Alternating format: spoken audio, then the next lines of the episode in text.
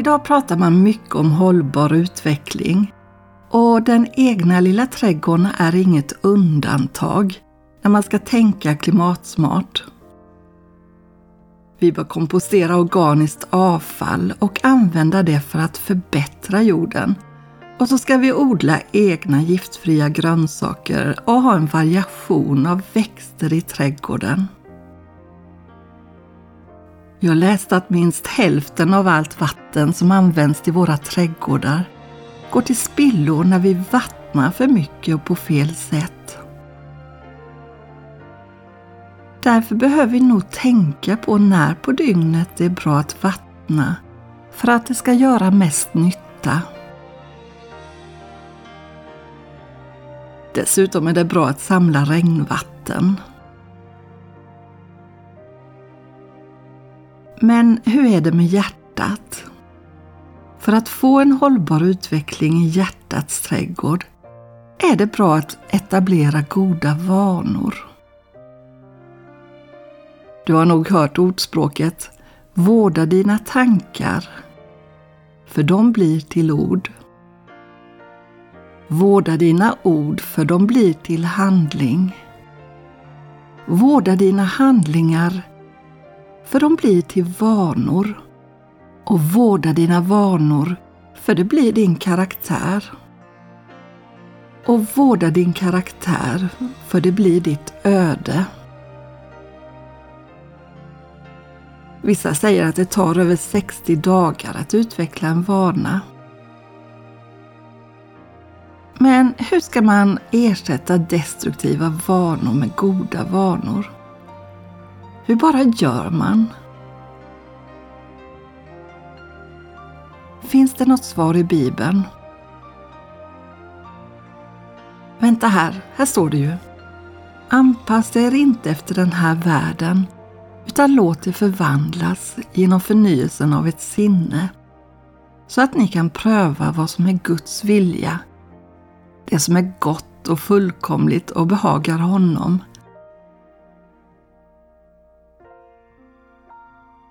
Förnyelse av vårt sinne, men hur ska det gå till? Ja, källan till destruktiva vanor finns i ditt sinne. Där finns dina tankar och där gör du dina överväganden. Och där finns dina intentioner och där finns din vilja. Och det är där du fattar dina beslut. Och det är just där förnyelsen sker. Du kan be en enkel bön om att den helige Ande ska hjälpa dig att hålla dina tankar fokuserade på Jesus och hans vilja för ditt liv.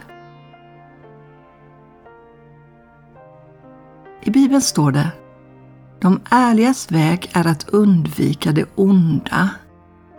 Den som ger akt på sin väg bevara sitt liv.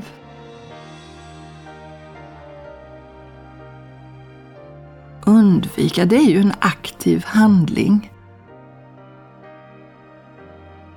Tillåt Gud att göra dig medveten om vad som triggar igång dina destruktiva vanor så att du kan göra aktiva val för att undvika fällorna.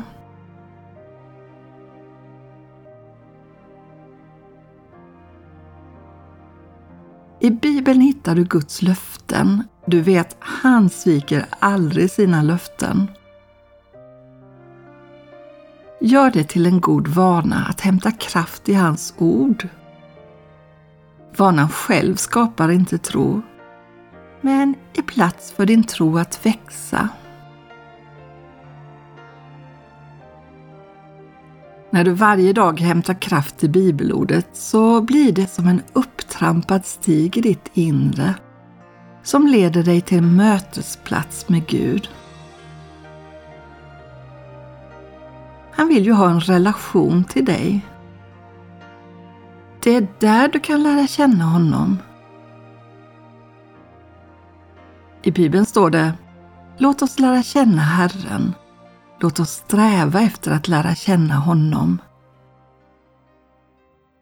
Han ska träda fram lika visst som gryningen och komma till oss som ett regn, som ett vårregn som vattnar jorden.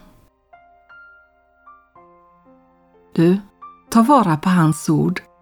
Det är som vårregn för ditt hjärtas trädgård. Loves me as I am. He is my Lord, my shepherd, I his lamb.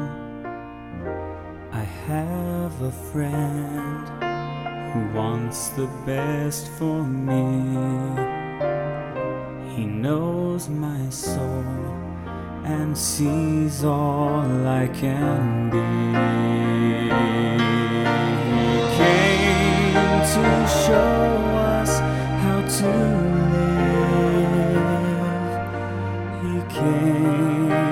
So much love to give.